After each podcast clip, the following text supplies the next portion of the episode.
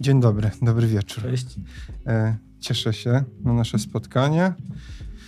Moim gościem jest dr Michał Otrocki. E, I panie doktorze, bo jakby wyczytać sobie na internecie o panu można sporo, Tak? a gdy, gdyby był pan uprzejmy parę zdań o sobie powiedzieć, takich ze swojej perspektywy.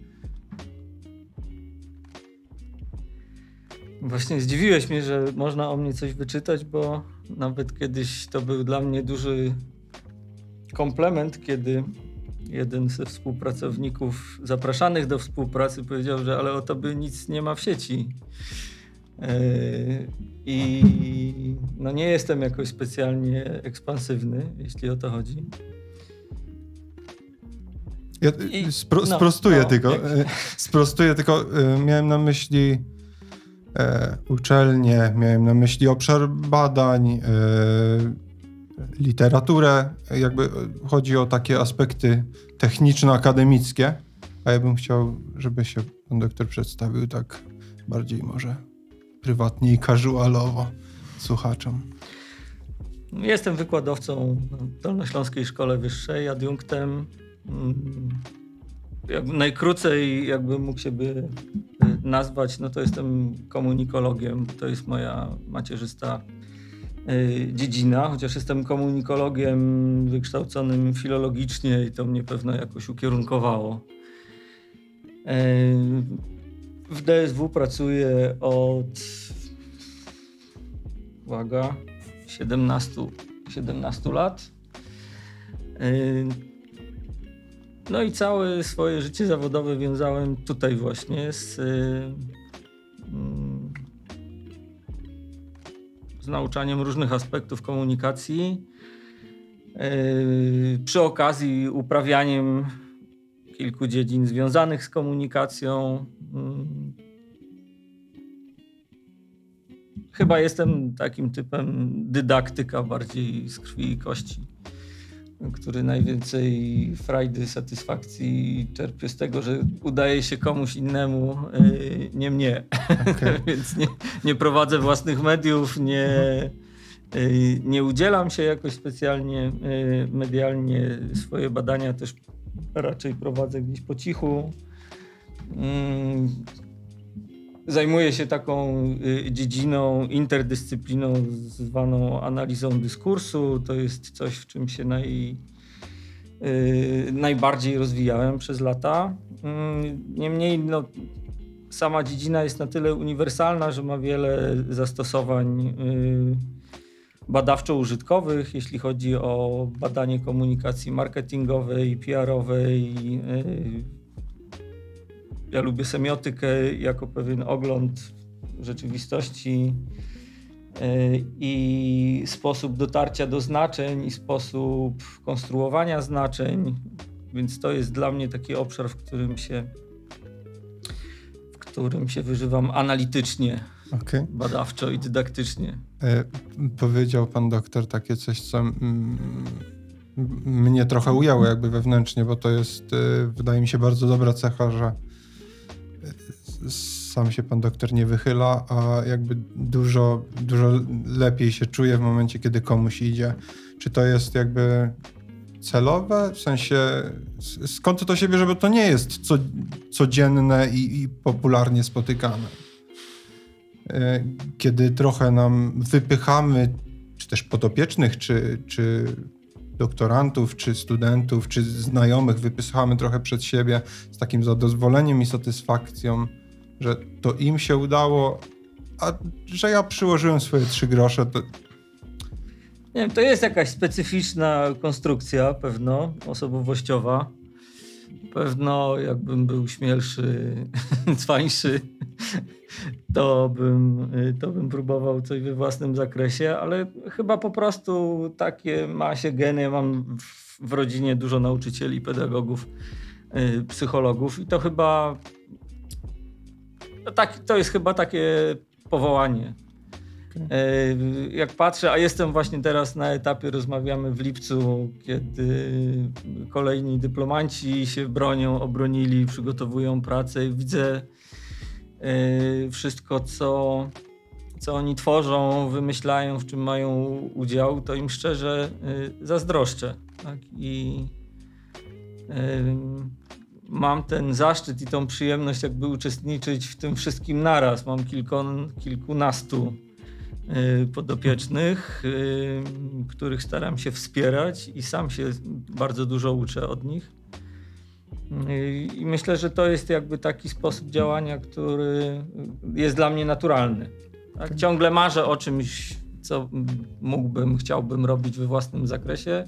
Ciągle mi się wydaje, że będzie blisko, że już zaraz zaczynamy, pojawiają się jakieś oferty współpracy, Mhm. tego typu y, rzeczy, a mnie wciąż tutaj trzyma taka funkcja pomocnicza w tle. Poetyckie nawet trochę. W sensie i jakby bez sarkazmu zbędnego. Chodzi o to, że mówię, to jest przynajmniej gdzieś tam w moim wąskim otoczeniu i wąskim horyzoncie bardzo rzadko spotykana cecha, bo mimo wszystko wydaje mi się, że raczej na siebie patrzymy jako na to pierwsze ogniwo, które powinno czerpać zyski, ale No, wiesz, można być, yy, można być drogowskazem, yy, tylko pozycja drogowskazu yy, jest o tyle problematyczna, że fajnie by było jeszcze świecić przykładem, tak? I to jest, jakbym od tej strony miał patrzeć, to mój krytyczny wkład, czy taki wspierający wkład w to, co robią ludzie, którym yy, towarzyszę, to jest tylko taka część. Yy, ja sobie myślę, że byłoby nieskromne na przykład y, tworzyć coś i oczekiwać, że będę wzorcem albo punktem odniesienia y, dla kogoś, ale to jest takie wątłe wytłumaczenie, no bo jednak nie wiem, czy to jest prawda, że wszyscy ludzie mają jakąś potrzebę tworzenia czegoś, a ja ją mam ciągle, tak? I ciągle chciałem coś takiego robić. Więc powoli, powoli dojrzewam. Sobie myślę, kiedyś jak zaczynałem w ogóle swoją pracę, zaczynałem przygodę z tym zawodem, czy w ogóle z komunikacją szeroko rozumianą, jako młody, nieopierzony dziennikarz czy quasi dziennikarz. e, Jak się wybierałem na studia dziennikarskie, to e, myślałem sobie, kurczę, masę czytałem wtedy i szedłem na filologię polską o specjalności dziennikarskiej. Myślałem sobie, yy, kiedyś będę pisał, albo kiedyś napiszę mądrą, dobrą książkę. Tak? Ale nie napiszę tego wcześniej niż po 40 roku życia. Więc ten, ten moment już yy, minął. W dalszym ciągu nie uważam, żebym miał coś mądrego do napisania. Ale dobrze być na drodze i myśleć o tym, że będzie, nie? Okej. Znaczy, to też jest taki aspekt w kontekście tego potrzeby tworzenia. Wydaje mi się, że jakoś naturalnie, może ostatnimi czasy trochę bardziej, e, przez ostatnie lata, trochę bardziej mamy potrzebę w związku jakby z rozwojem mediów społecznościowych i tego dostępu takiego e, z pierwszej linii. Trochę gdzieś to kiedyś ktoś mądrze powiedział, że dzisiaj każdy może być dziennikarzem, ale nie każdy powinien być tym dziennikarzem. Pisarzem. Pisarzem, tak. E, e, I, I myślę sobie, że, e, że kto jak kto, i to też nie jest kurtuazja na potrzeby tej rozmowy, bo mieliśmy przyjemność trochę rozmawiać i, i, i na zajęciach i prywatnie to powinno wyjść coś e, spod biura, bo, bo bardzo jestem ciekawy, tak jak jestem trochę ciekawy i, e, i bardzo czekałem na tą naszą dzisiejszą rozmowę. W ogóle bardzo dziękuję za, za pojawienie się. E, takie pytanie z tezą, bo mi się wydaje trochę, że w miarę upływu czasu i pomijając to, co się, tą tragedię, która się dzieje za naszą granicą, yy, pandemię koronawirusa, która miała miejsce ostatnio, jakby te, te wielkie, wielkie takie przeszkadzajki, nazwijmy to, albo yy, wielkie przewroty, które się dzieją, to pomijając je, mam wrażenie, że tak szybko jak e, następuje postęp cywilizacyjny przy różnych aspektach, y, aspekcie technologicznym, społecznym, e, zawodowym, edukacyjnym, coraz ciężej jest się nam dogadać, coraz ciężej jest się nam może nie nawet tyle dogadać, a skutecznie dogadać i skutecznie porozumieć. E, to chyba Instytut Psychologii przy e, Niestety nie pamiętam chyba pełnej nazwy. W każdym razie jedna z pań psycholog taki duży artykuł napisała na temat tego, że jakby tych elementów, które pojawiają się w komunikacji jest coraz więcej, tych przeszkadzajek, tych e, informacji zewnętrznych jest coraz więcej, w związku z tym coraz ciężej nam się porozumiewać. I pytanie, czy to jest kwestia tylko tego, że być może nie rozumiemy, nie chcemy rozumieć, czy dotarliśmy do jakiejś takiej granicy, z której jakby trochę już nie ma powrotu, że po, poszło to tak bardzo naprzód, że my trochę nie wyrabiamy, nie nadążamy.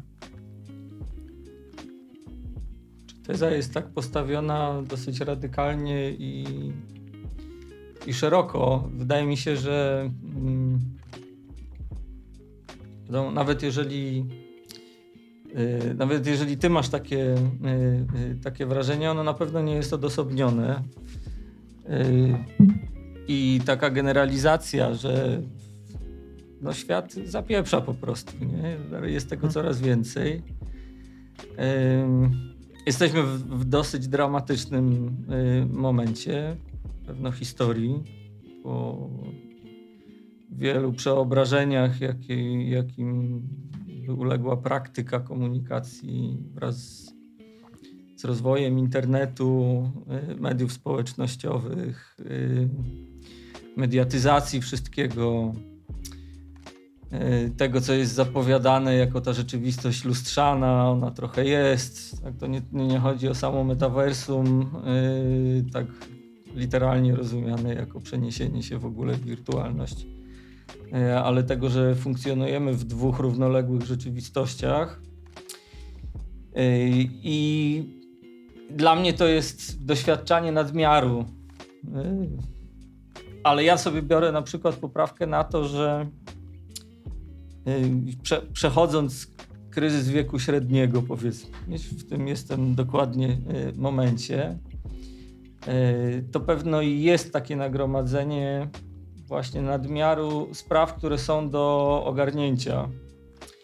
Yy, nagromadzenie jakichś deficytów, a im więcej spraw mamy do udźwignięcia, im więcej komunikatów mamy do przerobienia, do wydania, do zareagowania, tym to wrażenie się nasila. Yy,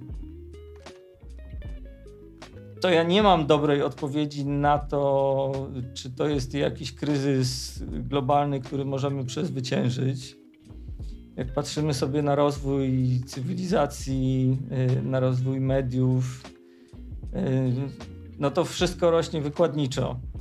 Y, dla mnie bardzo inspirująca i taka do dzisiaj się trzymam jakby tej diagnozy jest taka teza postawiona przez Stanisława Lema, to był taki zbiór esejów, ale on to pierwotnie publikował jeszcze na łamach czasopisma Enter w latach 90. Później to wyszło jako zbiór fantastyczny w sensie nie gatunkowym, ale jakościowym.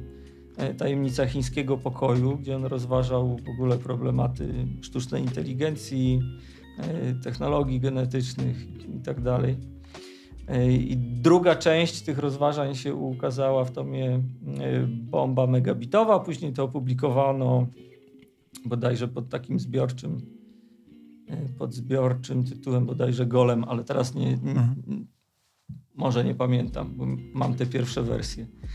I w którymś z tych esejów on pisał, e, może nawet w tytułowym, pisał o takim zjawisku pułapki technologicznej E,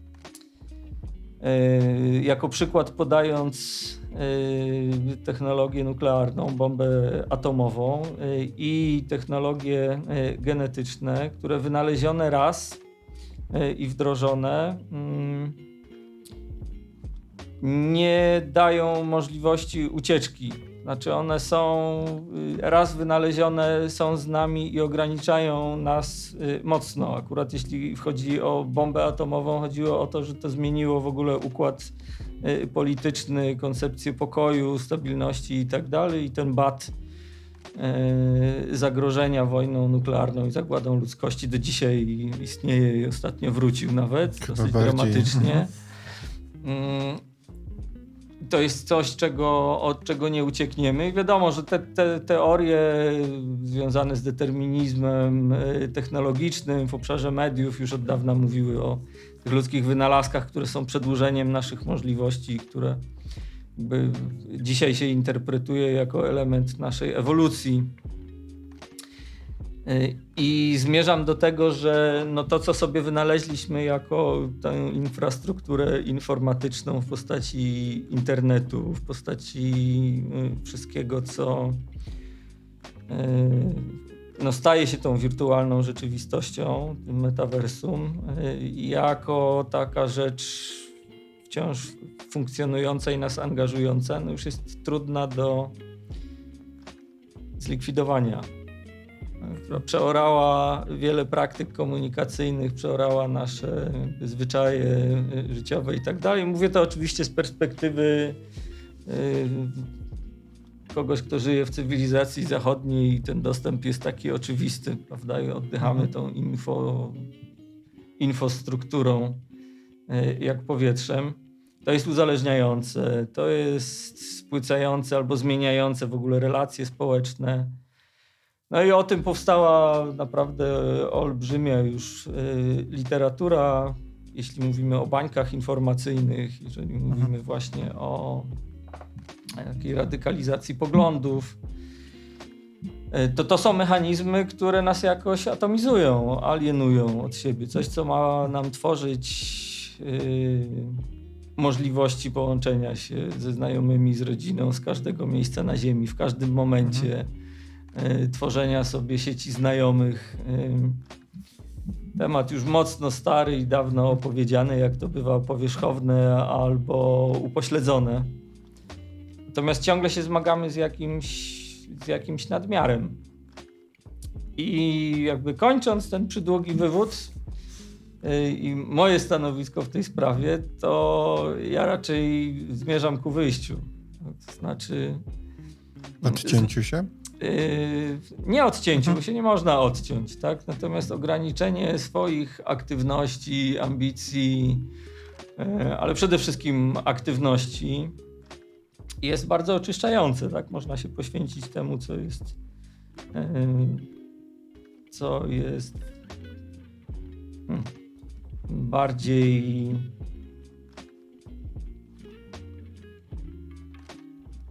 co jest bliższe mm, jakiemuś wewnętrznemu czy duchowemu spokojowi.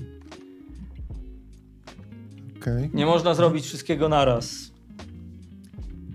Znowu tutaj Lem mi się przypomina. To było chyba w, albo, w, w, albo w dziennikach gwiazdowych, e, albo w bajkach robotów taki wątek planety, na której y, wszyscy ludzie się, nie ludzie, tamtejsze istoty, y, rodziły się mając już wszystkie tytuły, zaszczyty i przyznane ordery. Natomiast y, żyjąc stopniowo się tego pozbywali, na sam koniec będąc już samymi dziećmi, tak? bez, bez tych wszystkich dodatków. Bardzo głęboko, filozoficznie, do mnie trafia taka idea, bo ona pokazuje, że tak naprawdę tak jak się rodzimy z niczym, tak z niczym yy, umieramy. I kwestia ograniczenia sobie tego, co nam się wydaje ważne, zaszczytne i pro, yy, też jest ulotna. Też jest ulotna. Hmm. Mi się przypomina od razu w tym kontekście też yy, niezwykły przypadek Benjamina Batona. Też w trochę w takiej, on się tam gdzie urodził się jako starzec, umarł jako dziecko. E, też mam takie wrażenie, że to trochę jakby urodzenie się z całym takim dorobkiem, wiedzą, e, umiejętnościami i wytracanie, że to e, trochę mi się to kojarzy z takim, mm, z taką nierównowagą w kontekście tego, że teraz wydaje nam się, że te wszystkie rzeczy, błyskotki. To nie jest złe. Tak długo jak nikomu to nie szkodzi, to nie jest złe. I, i podobnie yy, na sekundę tylko wrócę, bo yy, social media, internet, rozwój technologiczny to też nie jest złe. Problem jest jakby w nierównościach pewnych i w poświęcaniu się. E, I mam wrażenie, że te wszystkie błyskotki, świecidełka, że to jest taki element, który nam nie pozwala się zatrzymać, że my ciągle musimy mieć lepsze, większe, nowsze e, i taki. To chyba razem z częścią zawodów przepadło, ale to też nie jest powód, żeby się obrażać na rzeczywistość. Że zamiast naprawić buty u szewca, to je wywalamy i kupujemy następne. E, zegarki nam się popsują, to kupujemy następne, ciuchy się nie ceruje i tak dalej, i tak dalej. Oczywiście. Ja Naprawiam wszystko, co się da. Nie? E, w kontekście, w kontekście mm, część rzeczy też naprawiam, choćby rzeczy w góry na przykład, e, bo to są chyba, wydaje mi się, takie, które będę miał już do końca życia. E, i wydaje mi się, że właśnie te błyskotki, te świecidełka, takie ulotne przecież w dzisiejszych czasach, bo zawsze będzie ktoś, kto będzie miał lepiej, szybciej, więcej i tak dalej, że to to jest taki element, który nam nie pozwala się zatrzymać i, i ciągle czujemy jakąś taki deficyt czegokolwiek. W sensie, mm, że ciągle ktoś ma więcej i tak jest trudno nam zrozumieć, że to porównywanie się takie jest bezcelowe w żaden, w żaden sposób. E, i tutaj takim, takim kołem chciałbym wrócić e, do tego, o co zapytałem wcześniej. W sensie, ja wiem, że to jest radykalny pogląd i ja mam bardzo wąski horyzont znajomych. Wszyscy ludźmi, mamy na, na swój sposób wąski horyzont. E, ludźmi, którymi się otaczam i to nie jest kwestia tego, że ja teraz ubolewam nad tym, jak nam się trudno dogadać, tylko trochę martwi mnie to, że nam coraz mniej się chyba chce dogadywać. Że, że to jest taki element, e, moje pokolenie, e, pokolenie młodsze, nawet chyba pokolenie ciut starsze z lat przełomu lat 85-90, e, czy też 90 jak moje, zdaje sobie sprawę z tego, że dzisiaj mamy znajomych, jutro może ich nie być. Że jeżeli ktoś będzie miał jakąś lepszą propozycję, E, albo lepiej, lepszy, e, lepsze zagospodarowanie czasu, to nie poświęci nam czasu, tylko pójdzie sobie zrobić coś lepszego. I mam wrażenie, że to jest trochę tak z, z, tym rozwojem. E, nie powiedziałbym, że upadek wartości to za, za mocne słowa, ale takie trochę wytarcie się tych wartości, czy coś, co w relacjach było jeszcze jakiś czas temu bardzo istotne, choćby to, to, to jakby bezpośredniość w pewnym stopniu jako kluczowy element. Czy to nie jest tak, że razem z rozwojem technologii będzie zmieniała się albo zmieni się całkowicie forma komunikacji? Może za jakiś czas w ogóle jej nie będziemy potrzebować. No, nie chciałbym iść tutaj daleko w jakieś futurologiczne, mniej czy bardziej wizje, jak jakich interfejsów będziemy używać i tak mhm. dalej. Będziemy się łączyć mózgami i tak dalej. Co, ja mam coraz mniej, po sobie to zauważam, coraz mniej mam y, potrzebę często dogadywania się. Okay. Może to jest taki etap życia, nie? Że, że się odcina to, co wymaga więcej wysiłku, albo już nie ma jakichś perspektyw ale chyba chodzi o jakby nadmiar, nadmiar aktywności. To, co jest bolesne i jakby na dłuższą metę szkodzi każdemu z nas, to to, że jeżeli my rezygnujemy z dogadywania się, yy, czy rezygnujemy z komunikacji, to rezygnujemy z jakiegoś yy, wpływu na kontekst szerszy niż tylko moja banieczka. Tak, była taka fajna inicjatywa, gdzieś mi mignęła na Facebooku ostatnio, mm, żeby polubić czy poobserwować profile partii, z którymi się totalnie nie zgadzamy, tak? albo osób czy liderów opinii, których mhm. uważamy za totalne przeciwieństwo naszych, e, naszych poglądów. No bo wiadomo, że tak, tak działają bań, bańki informacyjne. Tak? Mhm. Jesteśmy w gronie e, ludzi, którzy mają podobne wartości, mówią o tym samym. Yy, to samo lubią, mają te same antypatie. W zasadzie to niczego nie wnosi.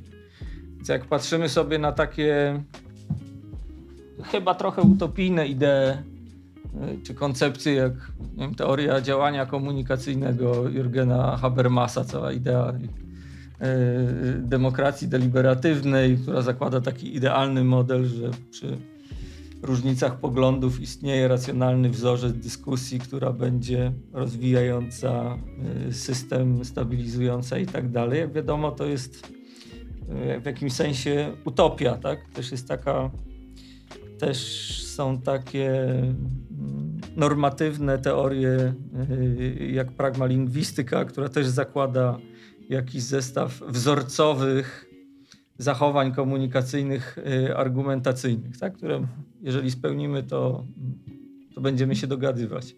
No i teraz, jeżeli nie jesteśmy zainteresowani tym, y, rezygnujemy z udziału w wyborach, rezygnujemy.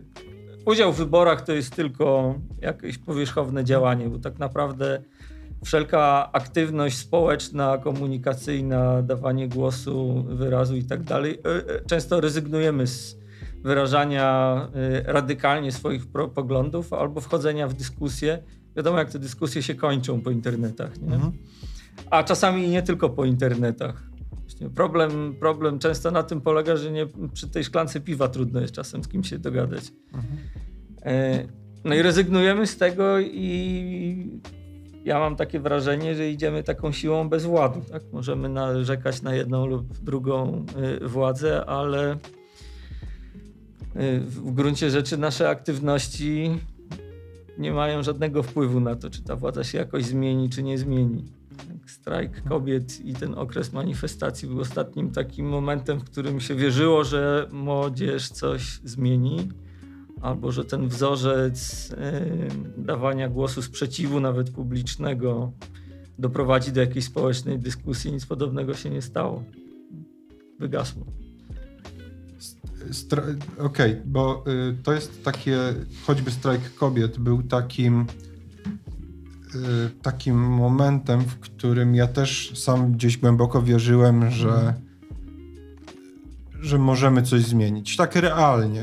Jakby, jak zobaczyłem setki, tysięcy, miliony ludzi na ulicach, to wierzyłem, że za tym pójdą jakieś realne działania. W praktyce niewiele się zmieniło. Chyba więcej złego się wydarzyło tym ludziom, tym kobietom, które brały udział. Chyba doświadczyły większej tragedii y, niż, niż y, tylko niż tylko te całe y, przepisy, które zostały wprowadzone. I to jest trochę tak jak przy okazji jakby niekoniecznie jakby religijnie, ale przy okazji filmu Claire E, ja miałem takie wrażenie, że to będzie taki element, który będzie przyczynkiem do dyskusji, że, że ten film pojawi się w przypadku, w przypadku Sekielskich. Miałem nadzieję, że to będzie bardzo podobnie, że, mhm. że to wyjdzie, odbije się bardzo dużym echem i to będzie przyczynkiem do jakichś działań praktycznych. I trochę się rozczarowałem. W sensie rozczarowałem się podobnie jak przy strajku, rozczarowałem się jak w przypadku pandemii. Czasem, gdzie to był czas dla ekspertów, a dalej byli ludzie, którzy twierdzili, że wirus i że tam 5G i depopulacja. E, dzisiaj mamy ludzi, którzy twierdzą, że nic się na Ukrainie, w Ukrainie nie dzieje. E, I jakby trochę można rozłożyć ręce, w sensie yy, nie chciałbym yy, snuć takiego czarnego scenariusza, że już się nic nie da zrobić w zasadzie możemy wszyscy umrzeć, bo to nie o to chodzi. Zastanawiam się trochę, jak ludzie tacy jak ja, tacy jak pan doktor, tacy, którzy nas otaczają, zwykli prości ludzie, jak możemy przeciwdziałać temu i, i trochę, trochę pan doktor powiedział o tym kontekście y, takich obywatelskich obowiązków. Y, Wiesław Gąska, z którym miałem przyjemność rozmawiać, też bardzo dużo mówił o takiej świadomości obywatelskiej, że jakby ona się nie zaczyna tylko na, na prawach i obowiązkach, mm. ale ona też się zaczyna na chęci zrozumienia pewnych rzeczy, na, na chęci dowiedzenia się czegoś więcej. Zastanawiam się, czy można jakimiś takimi prostymi, drobnymi działaniami pomagać, może nie tyle odwracać ten trend, ale wyhamowywać go. I to nie chodzi o to, żeby robić rewolucję i teraz zatrzymać rozwój technologii, zatrzymać social media i zatrzymać telewizję i wszystko inne dookoła. Chodzi tylko o to, żeby trochę je, te rzeczy bardziej uczłowieczyć. Czy jest na to jakiś złoty środek? Pewnie nie ma, ale ciekawi mnie, ciekawi mnie, czy. Jakby nasze utyskiwanie trochę na, na jakby jałowość mm, rzeczy czy wydarzeń, które wydawały nam się początkiem jakiejś zmiany. Tak? No, przypomina mi. Ym, jest taki film Marcela Łozińskiego, trochę już zapomniany, niekiedy przypominany, jak to się robi. O pewnym quasi eksperymencie podjętym y, przez między innymi postać niespecjalnie przeze mnie szanowaną, Piotra Tymochowicza, y, który zobowiązał się, że y, po przeprowadzeniu castingu z osób z ulicy E, chętnych do kariery politycznej, ulepi polityka, który dostanie się do, e, do parlamentu. E, ten, jakby w filmie ten eksperyment się nie udał, ale jest tam taka scena, kiedy on organizując takie działania, chyba na którejś uczelni warszawskiej, próbował wzniecić coś w rodzaju takiego rewolucyjnego ognia wśród y, młodych ludzi, że trzeba coś zmienić i oni przychodzą, tam chyba jest taki fragment, jak przychodzą czy dzwonią do y, radiostacji, no tam też to medium brało udział jakby w tym eksperymencie i mówią, że trzeba coś zmienić. Mam takie przeświadczenie, mówili jedna z tych uczestniczek, że E, właśnie jesteśmy młodzi, mamy coś zrobić. Tam ciągle jest to coś, tak? Jest jakaś taka energia, którą Tymochowicz w tym eksperymencie Łoziński to genialnie pokazał. Tak? On to cynicznie y, wykorzystał do własnych celów. Tak? Chodziło w gruncie rzeczy o wzmocnienie młodzieżowki y, samoobrony, której to liderowi świadczył wówczas usługi wizerunkowe. I ten film pokazuje generalnie taką szkołę cynizmu, dostosowania się, y, przebierania masek, y, tak, pod wszystko ze względu na kryterium skuteczności. I ta skuteczność to oczywiście no, zdobywanie poparcia i albo nie tyle poparcia, co wkręcenia się w struktury. I ja tam widziałem w tych fragmentach, bo film jest oczywiście nie tylko o tym, ale w tych fragmentach widziałem właśnie to, w jaki sposób ten zapał młodych ludzi albo tych, którzy chcą coś zmienić, często jest taki, e, taki jałowy. Nie? Bo w czasie strajku kobiet były realne e, powody, był taki, była realna podbudowa społeczna, ale w gruncie rzeczy skończyło się na wykrzyczeniu tego, że jesteśmy mhm. wkurwione. Nie? E, I no i tyle. I para idzie w gwizdek, tak? To samo, ja nie oglądałem Kleru. Y, nie miałem ochoty. Zero straty. Nie miałem ochoty y, po raz kolejny uczestniczyć w kinie moralnego gnoju, jak to ładnie y, ktoś twórczość Smarzowskiego określił.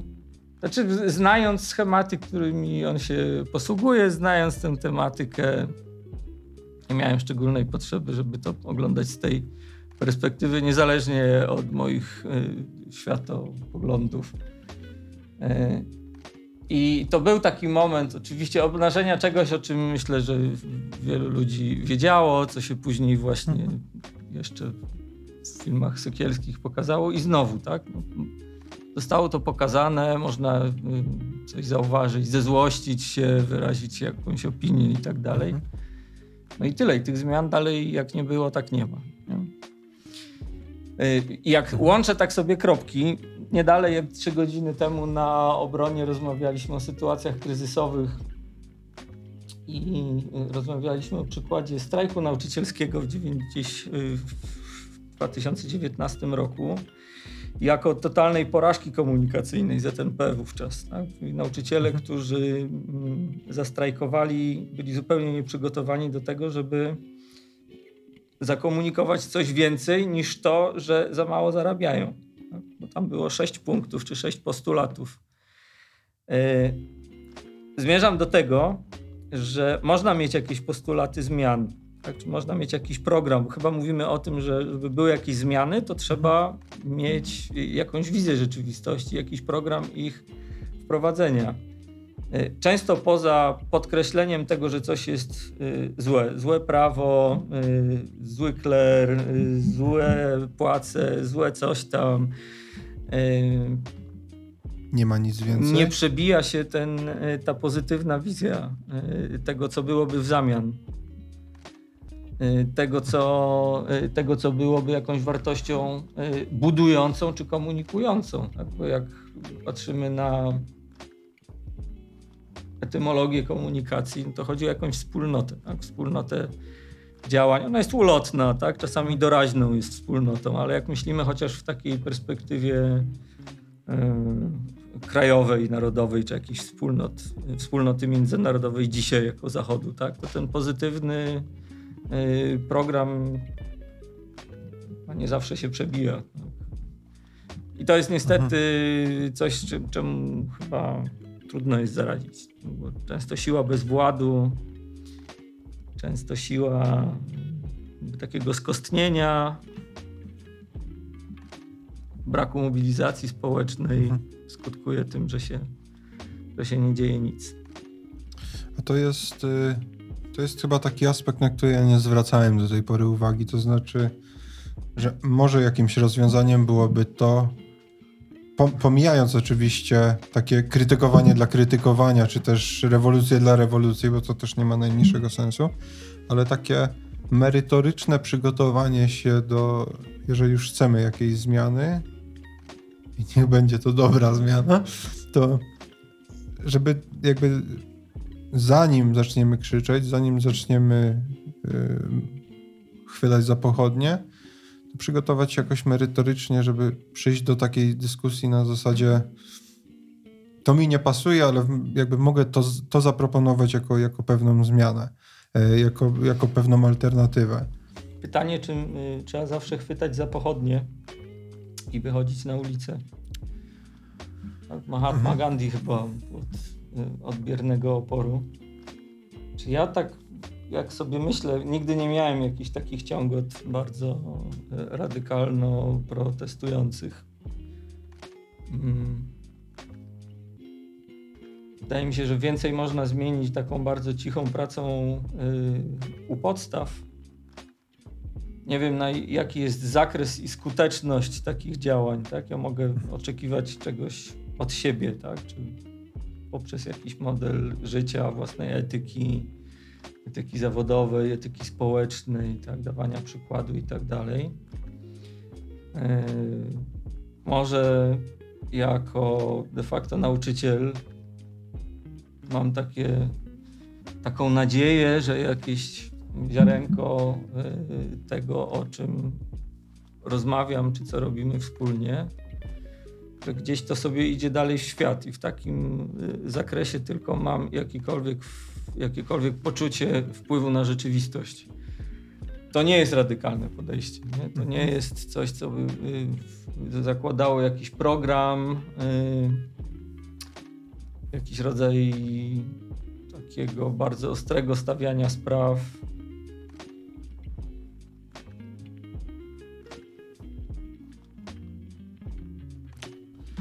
Ale to może jest kwestia natury znaczy, to, to też, to też ja, ja, nie jestem pierwszym, który łapie za pochodnie, chociaż jakby mam w wielu sytuacjach skrajne poglądy.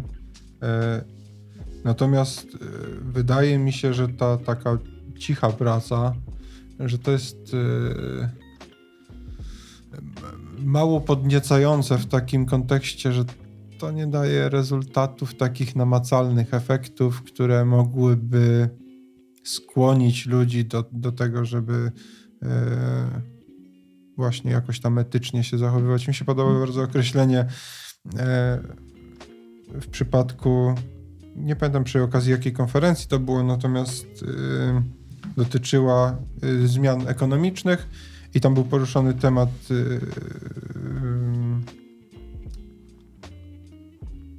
e, Nagroda Nobla z ekonomii wyleciało mi z głowy.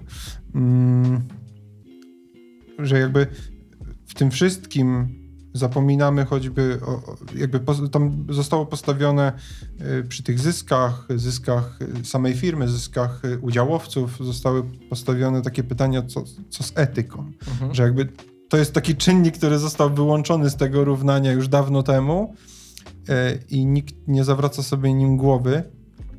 I to jest y, chyba taki to Adam, Adam Smith w Bogactwie Narodów, tak to jest chyba tłumaczone. Powiedział, że każdy człowiek ma e, prawo do szczęścia, dążenia do, do realizacji swoich planów. I, i, I zastanawiam się, czy to nie jest troszeczkę tak, że znowu wrócę do tych, do tych błyskotek, że mm, właśnie bycie na pierwszej stronie, bycie tym nauczycielem, bycie tym człowiekiem, którego będą gdzieś tam cytować, wymieniać, który będzie na zdjęciach, czy to nie zabiera takiej wewnętrznej chęci? To, to mi trochę. Yy, yy, to mi trochę trąci takim. Yy, taką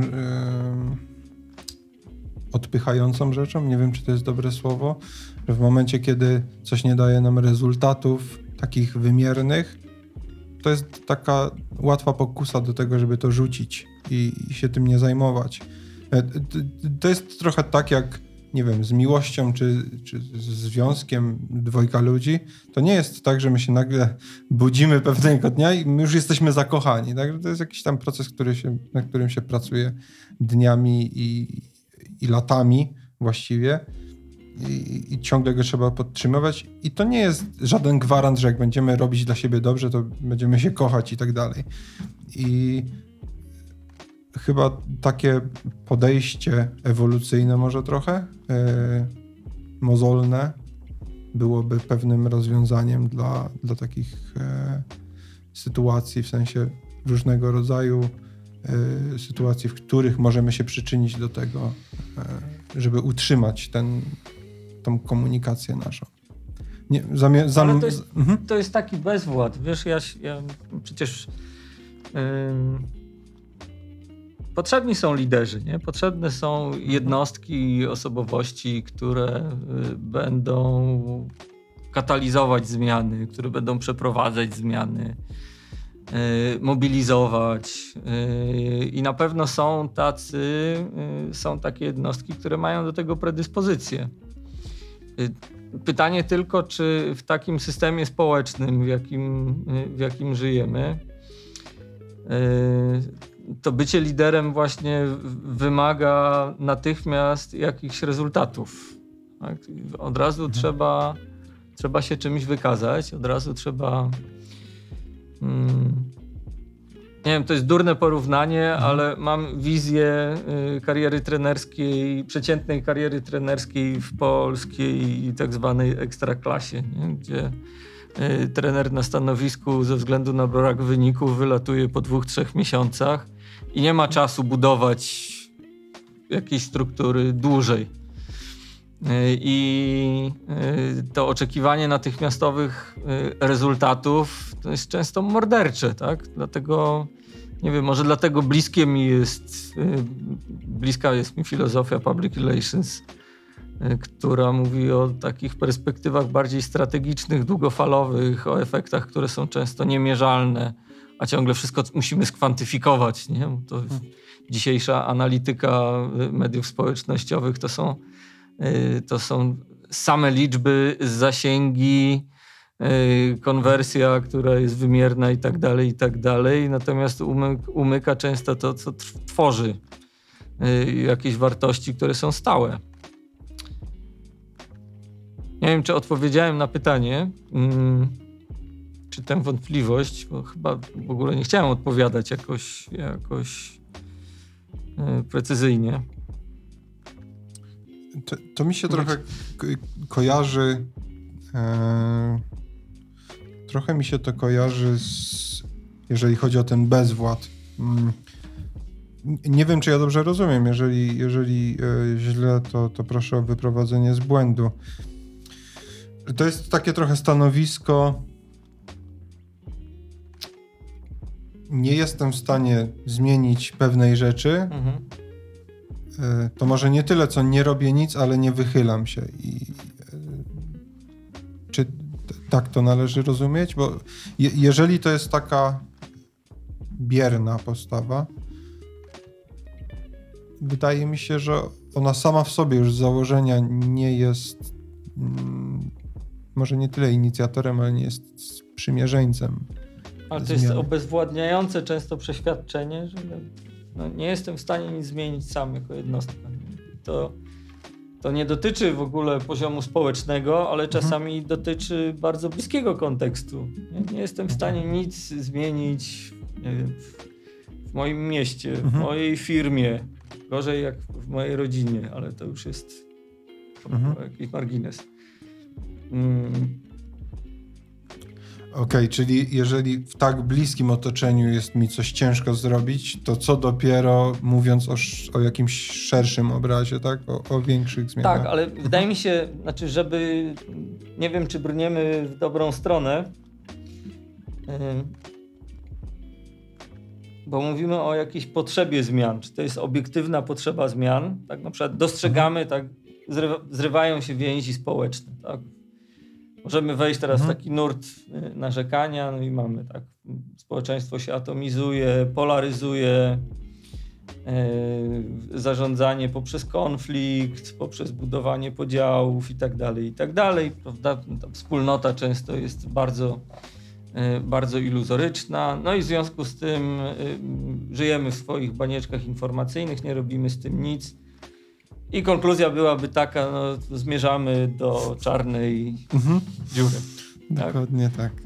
Tak, taka, Mhm. taka, była, taka, byłaby, taka byłaby konkluzja. Być może, jeżeli ja miałbym optymistycznie y, spojrzeć na taką sytuację, jakby mając świadomość wszystkiego złego, co się dzieje, a może nie wszystkiego, ale, ale wielu takich rzeczy, że może pytanie jest źle postawione, tak? Że może. Mm, może to jest takie bardzo zen albo taoistyczne, nie wiem jak to umiejscowić dokładnie, ale e, dążność czy pragnienie do zmian w ogóle samo w sobie jest jakąś ułudą i może wystarczy tego nie chcieć, y, żeby, żeby się żyło lepiej. Nie chcieć zmian? Nie chcieć, tak, nie chcieć mieć wpływ na wszystko. Bo to w taoizmie jest chyba taka pochwała nieczynienia jako idealnego stanu. Bez wchodzenia w niuanse teraz, tak, jakby całej tej filozofii, ale mm, samym nastawieniem, czy samym samym byciem przekonanym, nie wiem, co do własnych, własnego, własnej wizji świata, własnego poczucia prawdy, sprawiedliwości. Ym, możemy się utrzymać na poziomie jakimś pewnym i być odpornym na to, co nas z zewnątrz atakuje. Okej. E, Ja prawdę mówiąc, trochę zostałem rozłożony na upadki, bo mi się w głowie pojawiło takie pytanie, czy właśnie. Czy ja już się tak ślepo nie zapatrzyłem w to, że trzeba coś zmienić i może faktycznie, czy w ogóle trzeba cokolwiek zmieniać? W sensie, czy. Znaczy, I tak wszyscy Mhm. umrzemy, i tak e, zmierzamy ku katastrofie, i to jest Mhm. oczywiście e, przez łzy e, stwierdzenie tego, Mhm. co wiemy o zmianach klimatycznych i procesie, który już mieliśmy prawie ogarniać, ale nagle się kilka rzeczy wydarzyło, które chyba bardziej uwagę świata e, angażują. I możemy żyć jakąś wizją apokaliptyczną, katastroficzną, że będzie już tylko gorzej i tak dalej. W zasadzie co to zmieni? No? Ja się mogę troszczyć o przyszłość swoich dzieci. Okej. Mm, To jest. Jedyne co mogę zrobić, to nauczyć się przeżywać swoje życie w jakimś pokoju.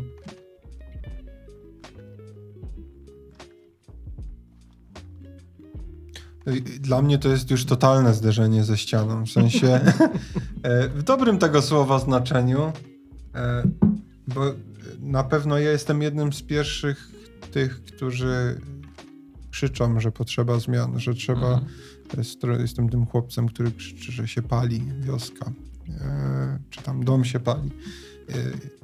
I, i, i nie dla żartu, w sensie, mhm. bo jakoś widzę tak na tyle minimum mojej wrażliwości wewnętrznej, która gdzieś tam dostrzega jakieś problemy, czy to społeczne, czy globalne, mniej lub bardziej, każe mi krzyczeć, że pali się pali i żeby wszyscy rzucili się do gaszenia. Yy, I tutaj się zderzam ze ścianą w kontekście takim, czy, czy to nie jest tak, że ja sobie w eter krzyczę, albo nawet jeżeli krzyczę, to czasami czy kogokolwiek to interesuje, że się pali. Może już są przygotowani na to, że miało się spalić dawno temu, albo że się i tak spali, mhm. nieważne co byśmy zrobili. To, to jest jeszcze bardziej ponura wizja e, niż, niż tego, że na przykład nie można czegoś zmienić. W sensie to chyba też jest pokłosie, to źle zabrzmi, ale tych dzisiejszych czasów, że dostrzeżenie jakiegoś problemu z automatu wiąże się z tym, że trzeba myśleć nad rozwiązaniem. Nie no, bo pytanie, mhm. czy taką postawą, o jakiej ja mówię, to zmienia, zmierzamy w stronę jakiegoś konformizmu, y, oportunizmu, y, bycia takim kameleonem, który się dostosowuje do rzeczywistości, która może się nie, nie, nie podoba, ale w sumie można jakoś tak żyć, żeby było wygodnie, nie? Y, I to nie jest coś, co, co mi jest bliskie. Więc nie wiem, jak dziewczyny wyszły na ulicę, tak, to tam było dużo głupich haseł, czy, y, czy postulatów, czy rzeczy, z którymi się nie zgadzałem. Ale mówię, okej, okay, jest, jest świetnie, wreszcie, nie? Jestem z nimi. Mm. Natomiast sam bym, y, mimo ja wtedy akurat byłem w ciężkim covidzie, nie? więc nawet bym nie mógł wyjść fizycznie, ale chyba nawet ja nie jestem takim człowiekiem, który właśnie bierze udział w manifestacjach, krzyczy, czy nawet przez samą swoją obecność zaznacza jakieś poparcie. Nie? Może jakaś mhm. forma, jakaś forma aktywności, która mi jest obca po prostu. Jeżeli już, to uciekam, gdzieś się zaszywam e, samotnie w lesie, niż ciągnę do tłumu, tak, żeby pobyć z ludźmi. E, ale to pewno przekonanie, że tych zmian ja jako jednostka niewiele, niewiele jestem w stanie wnieść. Mhm. W ogóle nie brałem takiej, takiej możliwości pod uwagę. W sensie. Mm, bo z jednej strony jest mi cholernie szkoda. No, w przypadku choćby e, tego konfliktu, który mamy za naszą wschodnią granicą, ubolewam bardzo nad tym, co tam się dzieje. Sam jakoś próbuję gdzieś we własnym zakresie pomagać tym ludziom. Ale gdyby się pojawiła taka propozycja, żeby pójść walczyć, to chyba bym schował głowę w piasek. No, to, to może nie być propozycja. Znaczy propozycja mhm. może przyjść pod twój dom. Trochę się tego obawiam, e, ale jakby chodzi mi bardziej e, z, z olbrzymim, z olbrzymim e, dumą. Patrzę na ludzi, którzy rzucają wszystko i, i lecą tam pomagać jak tylko mogą. Bo pewnie, że chciałbym, żeby ta wojna się skończyła, ale z drugiej strony Chyba byłbym jednym z ostatnich, który się zebrał w Kamasze i, i poszedł walczyć za, za, e, za ich wolność. Mm. I to chyba też trochę stawia mnie w takim, takiej pozycji hipokryty w tym, w tym kontekście zmieniania czegokolwiek na lepsze. I to tu miałem to na myśli, to zagonienie. Może, może jesteśmy to, że propozycja przyjdzie pod nasz dom, może któregoś dnia i nam zapuka, to y, sprawia sprawy bardzo jasno. Nie? Decyzja jest zero-jedynkowa wtedy. Pewno jesteśmy wychowani na jakimś micie romantycznym y, walki o wolność naszej. Ja uważam, że nie każdy się rodzi żołnierzem, tak? Nie każdy ma y, predyspozycję y, y, do walki, ale w pewnych okolicznościach po prostu już nie wybierasz, nie? Tylko y, żyjesz albo nie żyjesz. Y, I dopóki możemy wybierać, to na razie żyjemy tak, jak się nauczyliśmy. Mm. Ja nie będę fantazjował o rzeczach, na których się nie znam zupełnie. Ani nie jestem w stanie sobie wyobrazić, co bym zrobił w sytuacji, których, y, która y, spotkała y, wielu Ukraińców, tak? w których się musieli jakoś odnaleźć, czy zmierzyć z jakimś dramatem. N- Nie jesteśmy w stanie sobie wyobrazić pewno wielu, wielu sytuacji. Y, ja bym z tego wyciągał, z całej tej dramatycznej y, sytuacji chyba naj, najlepiej wyciągać to, co jest dobre, że ta solidarność ludzka czy międzynarodowa, między naszymi narodami się jakoś nagle odbudowała czy przypomniała. Y, mimo tej trudnej przeszłości y, z obu stron. Y, I że to było zupełnie niesterowane I niezaplanowane. i niezaplanowane, niesterowane w sensie jakiej, jakiejś systemowej pomocy czy zaplanowanej. Na szczęście to się wydarzyło chyba zbyt szybko, żeby ktoś mógł to cynicznie wykorzystać. Tak, Chyba, to, chyba były jakieś tam pojedyncze, jakieś próby były, ale to takie pojedyncze przypadki. No, no. Sk- jakieś tam odłamy skraj, skrajne. Pod, ale nie chodziło też o takie podłączenie się, jacy to my jesteśmy świetni, prawda, Polacy. Czy to niesławna wypowiedź któregoś z hierarchów o tym, że to jest efekt pracy duszpasterskiej z pewnością. E, ciężkiej Mhm. oczywiście. E, jakby wróciliśmy do takich prostych gestów. Ktoś trafnie przypomniał, że to samo robili Niemcy y, wtedy, kiedy do nich trafiła ta fala uchodźców z Afryki e, czy z Bliskiego Wschodu. Mm, że tam też to funkcjonowało na takiej zasadzie y, prostych ludzkich y, odruchów. U nas jeszcze dochodzi do tego historia. U nas jeszcze szczęśliwie się zbiegło, chyba że Ukraińców było już dużo w Polsce, we Wrocławiu szczególnie. I jakby to nastąpiło tak naturalnie chyba. Nie? Może były różne pewno obiekcje, ale moment wojny jakby przekreślił wszystkie takie rzeczy. I to jest na pewno budujące, nie? Znaczy, ty, mam, jedyna moja obawa jest y, taka, i to też w kontekście wyciągania, przy okazji COVID-u miałem taką e, refleksję, że oto w tej tragedii, która się wydarzyła, mamy okazję do tego, żeby parę, parę rzeczy sobie trochę zrewidować. Znaczy, jakby choćby praca, którą wykonujemy, czy to jest taka praca, że jeżeli się pojawi taka sytuacja ponownie, czy tym my będziemy finalnie w stanie zarabiać, czy mamy jakieś oszczędności, takie, od takich prostych Mhm. rzeczy i w tej, tej tragedii, która dzieje się teraz, to też jest czas na refleksję pewnego rodzaju, wydaje mi się. Choćby taką, czy jesteśmy przygotowani od takich bardzo prostych rzeczy, jak to, czy nie wiem, mamy jakieś puszki. I nie mówię tutaj o tym, żeby lecieć i kupować zgrzewkę makaronu i papieru toaletowego, e, ale nie wiem, ja sam w domu mam na przykład puszki na dwa tygodnie, żeby można było. To nie jestem prepersem. E, właśnie o prepersach pomyślałem teraz. E, my, myślę, że oni są świetnie przygotowani, nawet y, w momencie, kiedy była taka ikoniczna postać w polskim internecie, Adolf Kudliński. Nie ży, nie, tak, nie żyjący już. E, fenomenalnie się oglądało tego człowieka. Był, był dobrym takim świrem w tym dobrym tego słowa znaczeniu. E, ale właśnie, że to jest taki, taki moment na refleksję, czy, czy ta sytuacja jest w stanie nas czegoś nauczyć w takim, powiedzmy, jakiejś tam przyszłości, która może nas spotkać. Oby nie była taka, że e, przymus obrony kraju zapuka nam do drzwi, bo ciężko jest mi sobie nawet wyobrazić tak czarny scenariusz.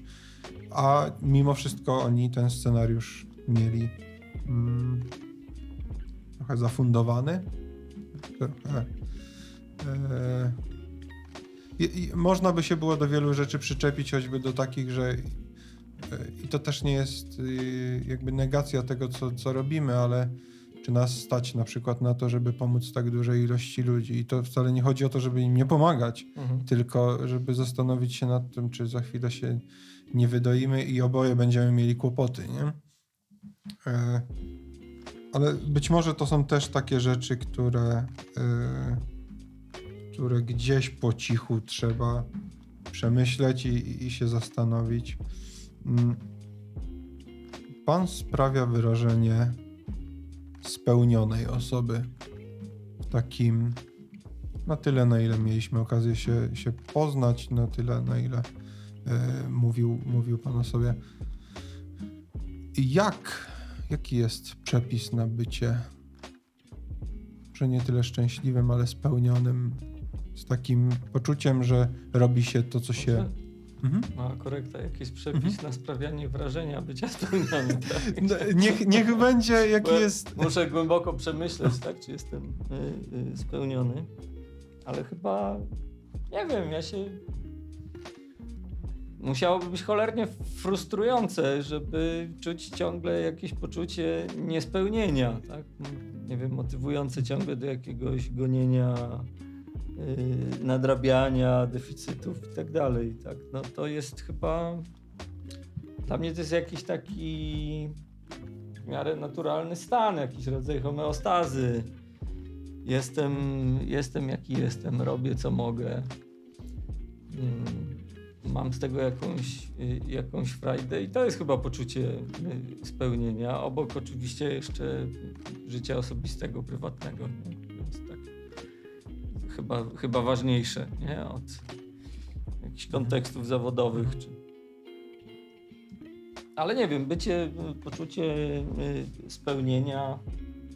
Chcielibyśmy chyba wejść w ogóle w, rozmowy o szczęściu, o poczuciu, o To poczuciu Ja, ja, to, szczęścia. tak? ja trochę, trochę y, w ten sposób chciałem nawiązać, bo e, ja mam takie wrażenie, e, sam po sobie to widzę i, i być może to jest mój odosobniony przypadek.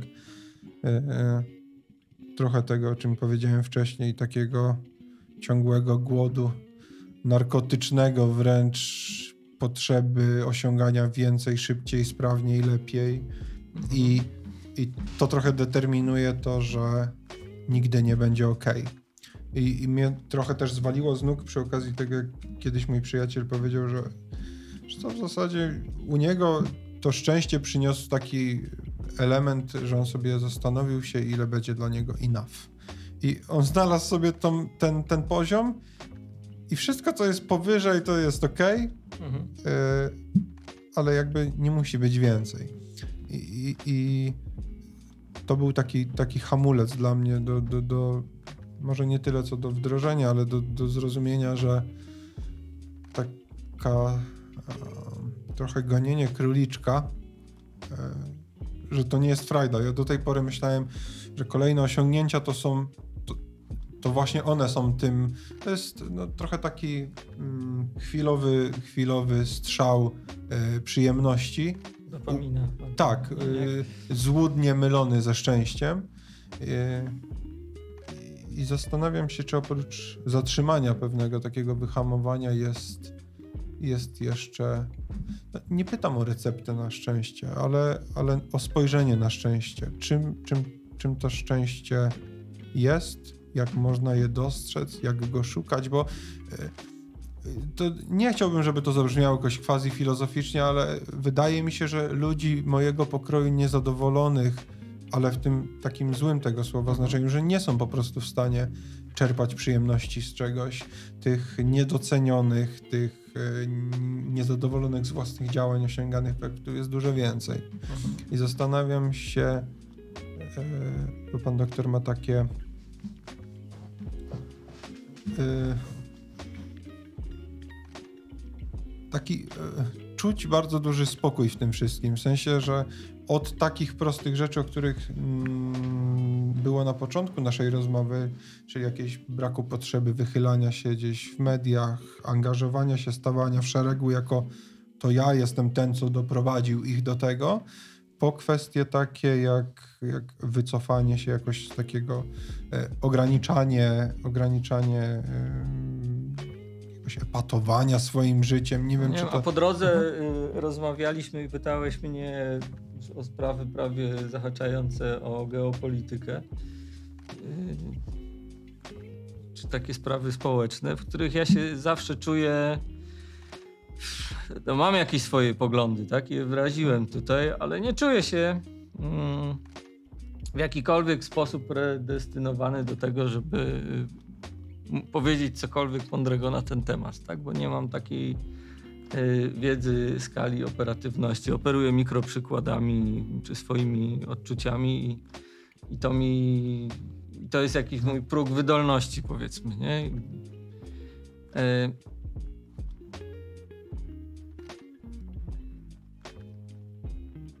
Ja nie mam, nie mam jakiejś potrzeby uzyskiwania, potwierdzenia, uznania. Ciągle się zastanawiam, czy dobrze zrobiłem, że się zgodziłem na tą rozmowę. Po co mi to było? I, e,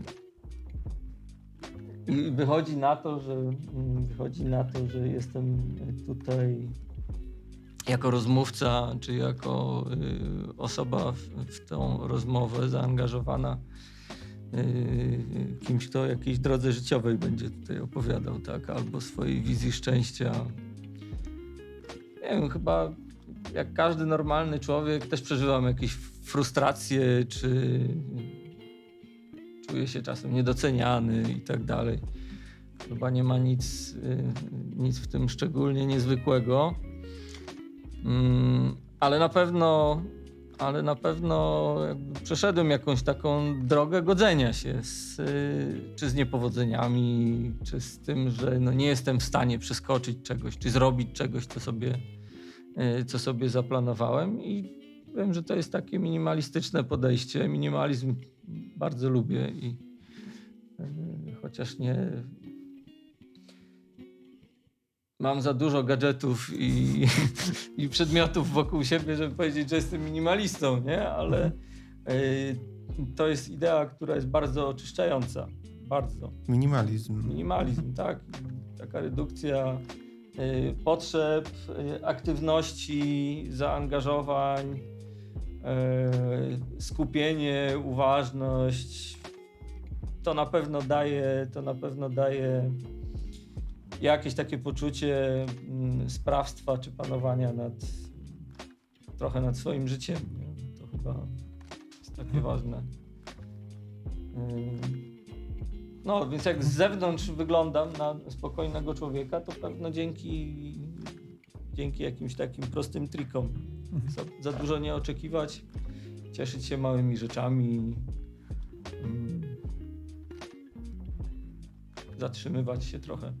Okej. Znaczy, to też e, nie, nie, chciałem, nie chciałbym i nie chciałem, żeby to było na zasadzie, to pytanie, żeby to było na zasadzie raz, że jakiegoś bardzo uzewnętrzniania się, a dwa, jakiegoś e, próbowania, przekonania kogokolwiek do robienia czegokolwiek, bo ja też jakby nie czuję, żebym miał mandat do tego.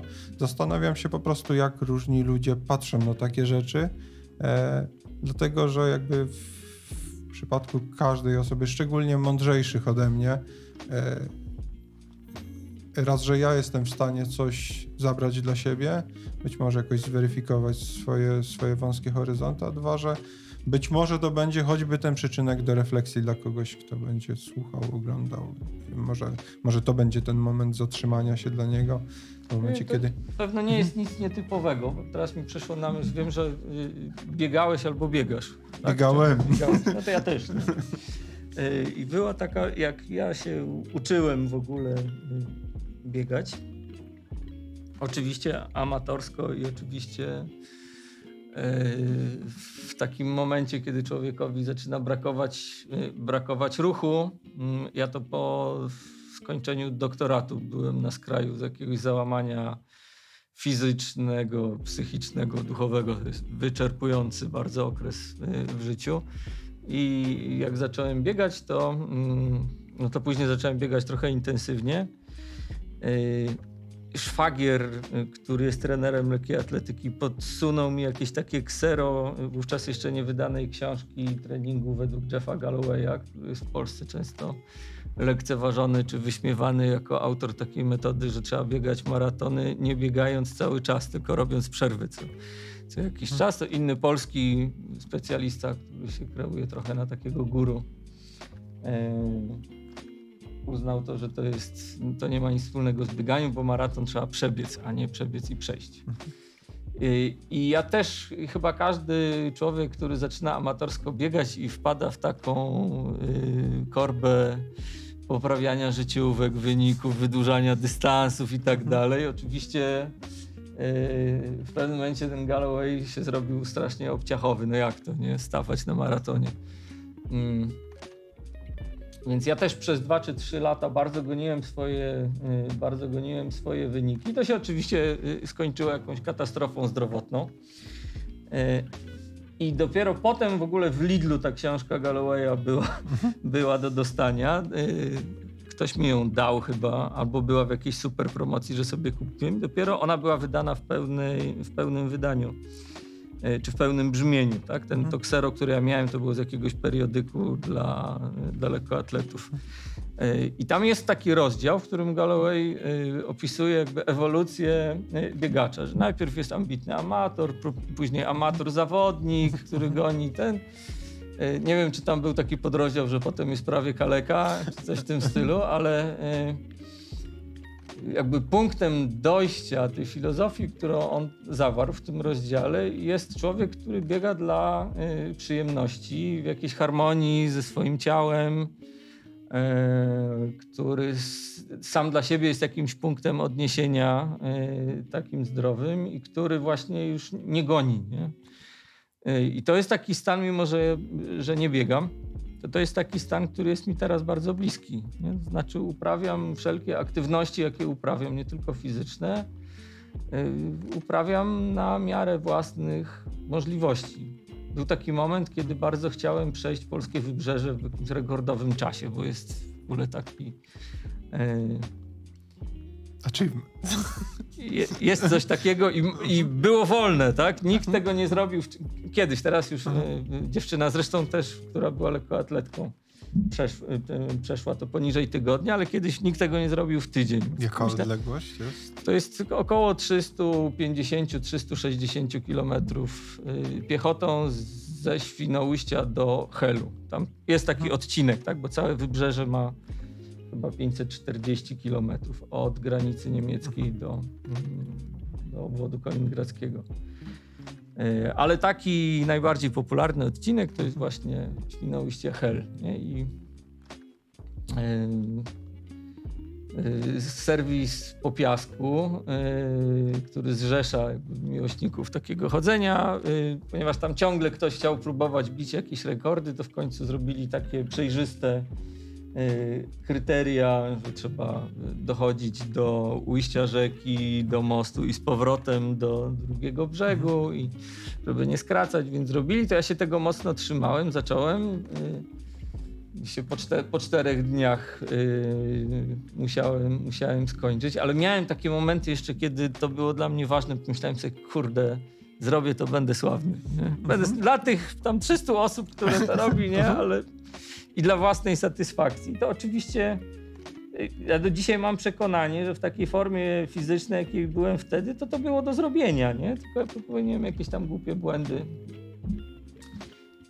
i, y, i się nie udało, a potem się już w ogóle poskładałem jakoś fizycznie i to było niewykonalne. Dzisiaj na to patrzę z pewnym rozbawieniem, tak? No jakby pokonywanie tego dystansu na czas to jest w zasadzie jakiś taki ultramaraton dla ubogich, nie? czyli dla takich, wiadomo, że ultramaratończycy biegają po 200 kilometrach po górach w dobę i żyją, nie? a tydzień na przejście takiego dystansu. Utrudnieniem jest piasek, nie?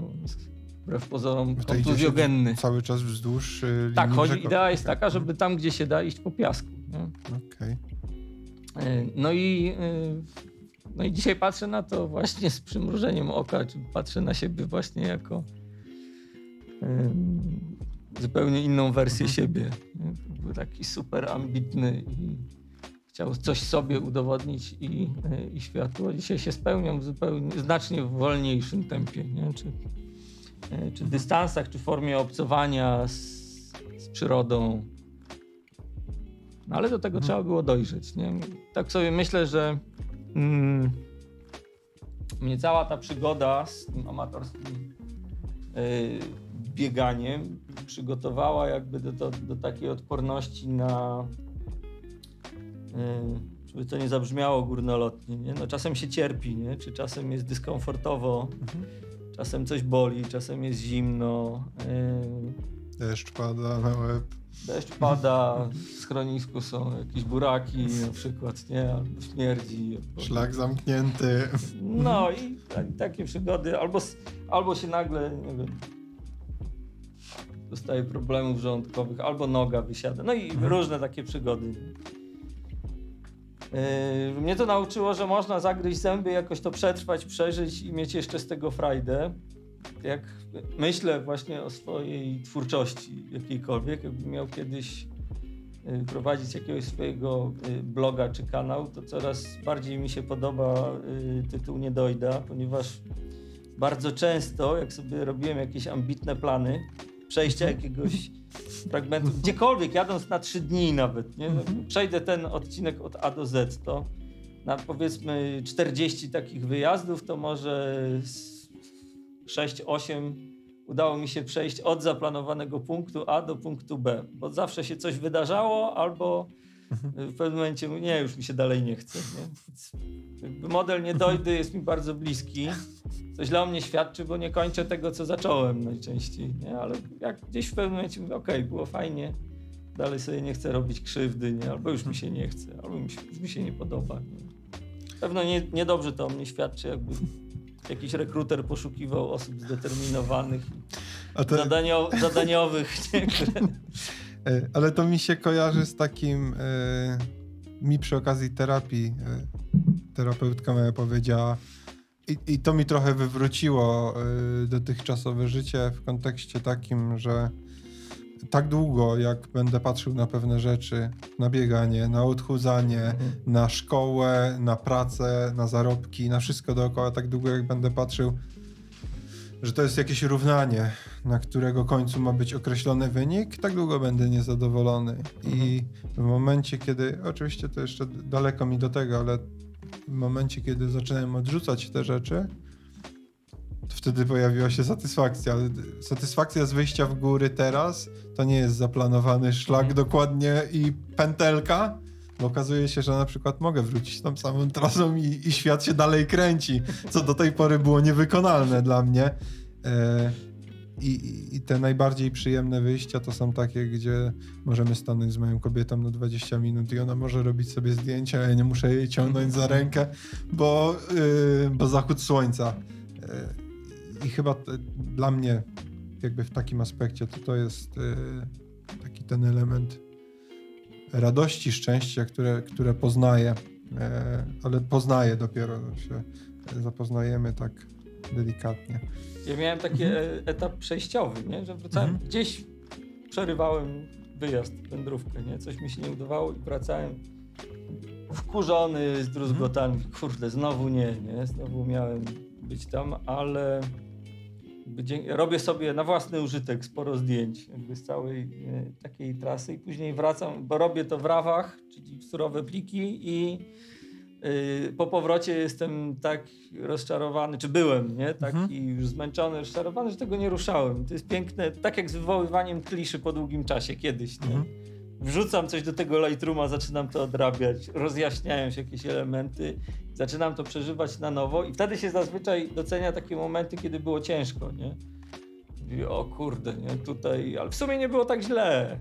Nie? Ja już nie pamiętam, że tam prawie nogę, noga mnie tak bolała, że już ledwo szedłem, nie? Ale kurczę, jak tam było pięknie. Może następnym razem się uda. Zmienia się optyka patrzenia na... Zmienia się, nie? Na, na nabranie takiego dystansu właśnie z perspektywy, nie? Na, na jakieś takie quasi wyczyny jest bardzo, bardzo ożywiające. Okej. E, tak zmierzając do końca, to jest pytanie, które zadaję każdemu rozmówcy. Najlepiej wydane 100 zł.